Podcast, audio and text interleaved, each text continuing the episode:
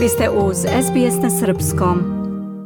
Slušate SBS radio na Srpskom. Ja sam Biljana Ristić. Ostanite sa nama u nastavku programa Aktualna tema sa područja Australije i Pacifika. Ministarstvo unutrašnjih poslova je potvrdilo za SBS da australijski poreski obveznici dalje finansiraju smeštaj hranu i troškove za oko stotinu izbeglica i tražilaca azila u Papua Novoj Gvineji.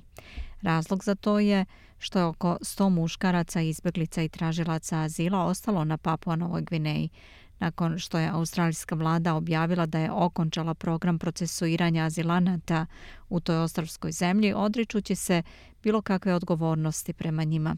Sljedeći potencijalni premijer Papua Nove Gvineje, koji je potpisao ugovor sa Australijom 2013.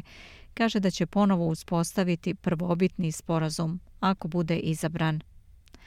Mlada porodica Iranac Merhart, njegova supruga iz Papua Nove Gvineje Mary i čerka Manija, redko napuštaju svoje dobro osigurano i zatvoreno imanje u glavnom gradu Port Moresbyu nakon zastrašujuće pljačke koju su doživeli prošle godine u svom prethodnom smeštaju.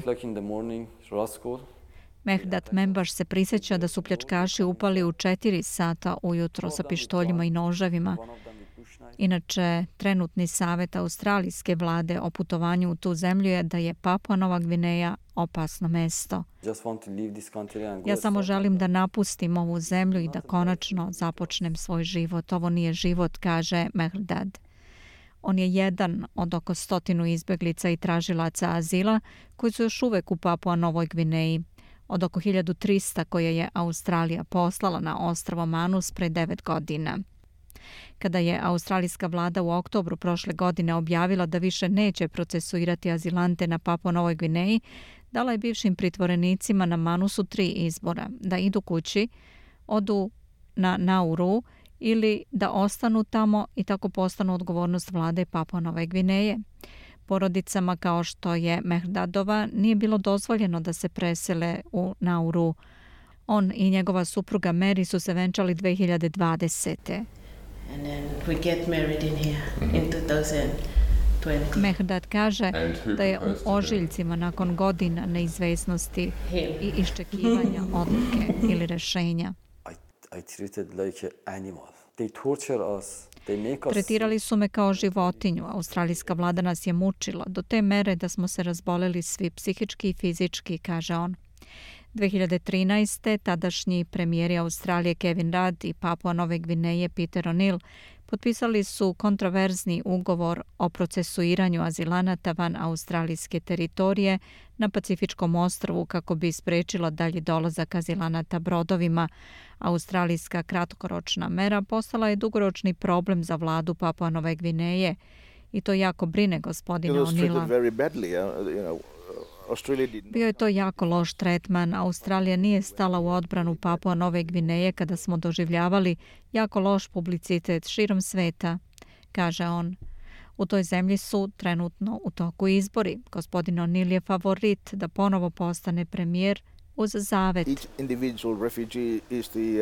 Svaka pojedinačna izbjeglica je odgovornost australijske vlade. Ne znam zašto se to promenilo, ali vratit ćemo se na tu poziciju, kaže on. Merhard nije klasifikovan kao izbjeglica i nema radna prava niti vizu. Papua Nova Gvineja sada se brine o stanovanju porodice, pomaže im da se prehrane, što još uvijek finansira Australija. Ministarstvo unutrašnjih poslova je potvrdilo za SBS da su Papua Novoj Gvineji obezbedili financijski paket, ali su odbili da kažu koliko vredan i koliko dugo. Otac Giorgio Lucini je generalni sekretar uticajne katoličke biskupske konferencije u Papua Novoj Gvineji i dugogodišnji zagovornik prava izbeglica.